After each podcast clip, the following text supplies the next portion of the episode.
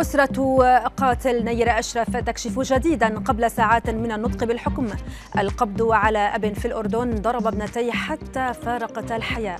هاكرز يزعمون سرقة بيانات مليار مواطن صيني ويطرحونها للبيع.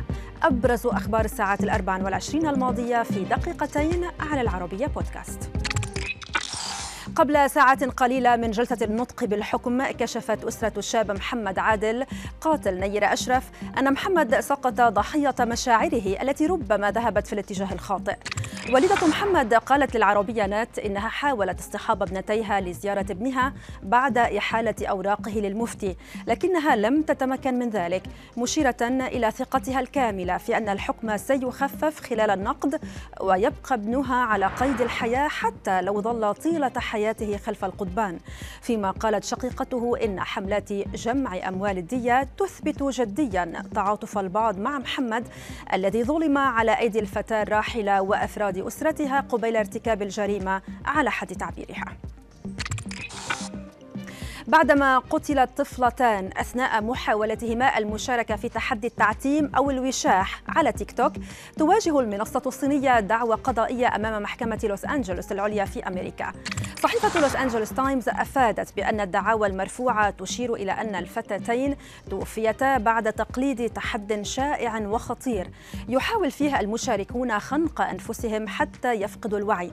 فيما قال ناطق باسم تيك توك لصحيفة واشنطن بوست ردا على الدعوى المرفوعة إن التحدي المقلق الذي يبدو أن الناس يعرفون عنه من مصادر غير تيك توك كان موجودا قبل منصتنا ولم يكن اتجاها لتيك توك بالمطلق. إلى الأردن هذه المرة حيث هزت جريمة مروعة البلاد بعدما ضرب أب طفلتيه حتى فارقتا الحياة وأقدم على دفنهما في محيط منزله في مدينة الرمثة. الناطق الإعلامي باسم مديرية الأمن العام قال إن معلومات وردت أمس الاثنين لمديرية شرطة لواء الرمثة من إحدى السيدات من جنسية عربية تفيد بقيام طليقها الذي يعاني من مرض نفسي بتعنيف أبنائها الأربعة وضربهم بشكل مستمر. مشيرا إلى أن الأب اعترف أثناء التحقيقات بأنه ضرب ابنتيه بواسطة عصا حتى فارقتا الحياة ودفنهما في حفرة في المنزل خلال العشرة أيام الماضية. فيما تواصل السلطات التحقيقات في الجريمة المروعة.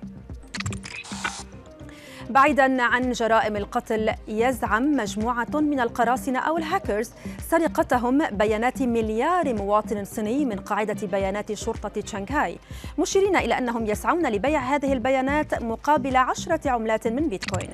وكالة بلومبرغ الأمريكية نقلت عن خبراء الأمن السيبراني قولهم إن الاختراق هو أكبر خرق للأمن السيبراني في تاريخ الصين. مشيرين إلى أن البيانات المسروقة تتضمن الأسماء والعناوين وأماكن الميلاد والهويات الوطنية وأرقام الهواتف.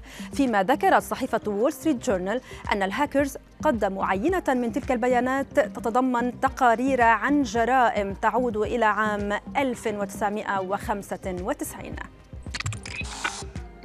وفي خبرنا الأخير طرح النجم البرتغالي كريستيانو رونالدو مهاجم مانشستر يونايتد طائرته الخاصة للبيع بقيمة 24 مليون دولار.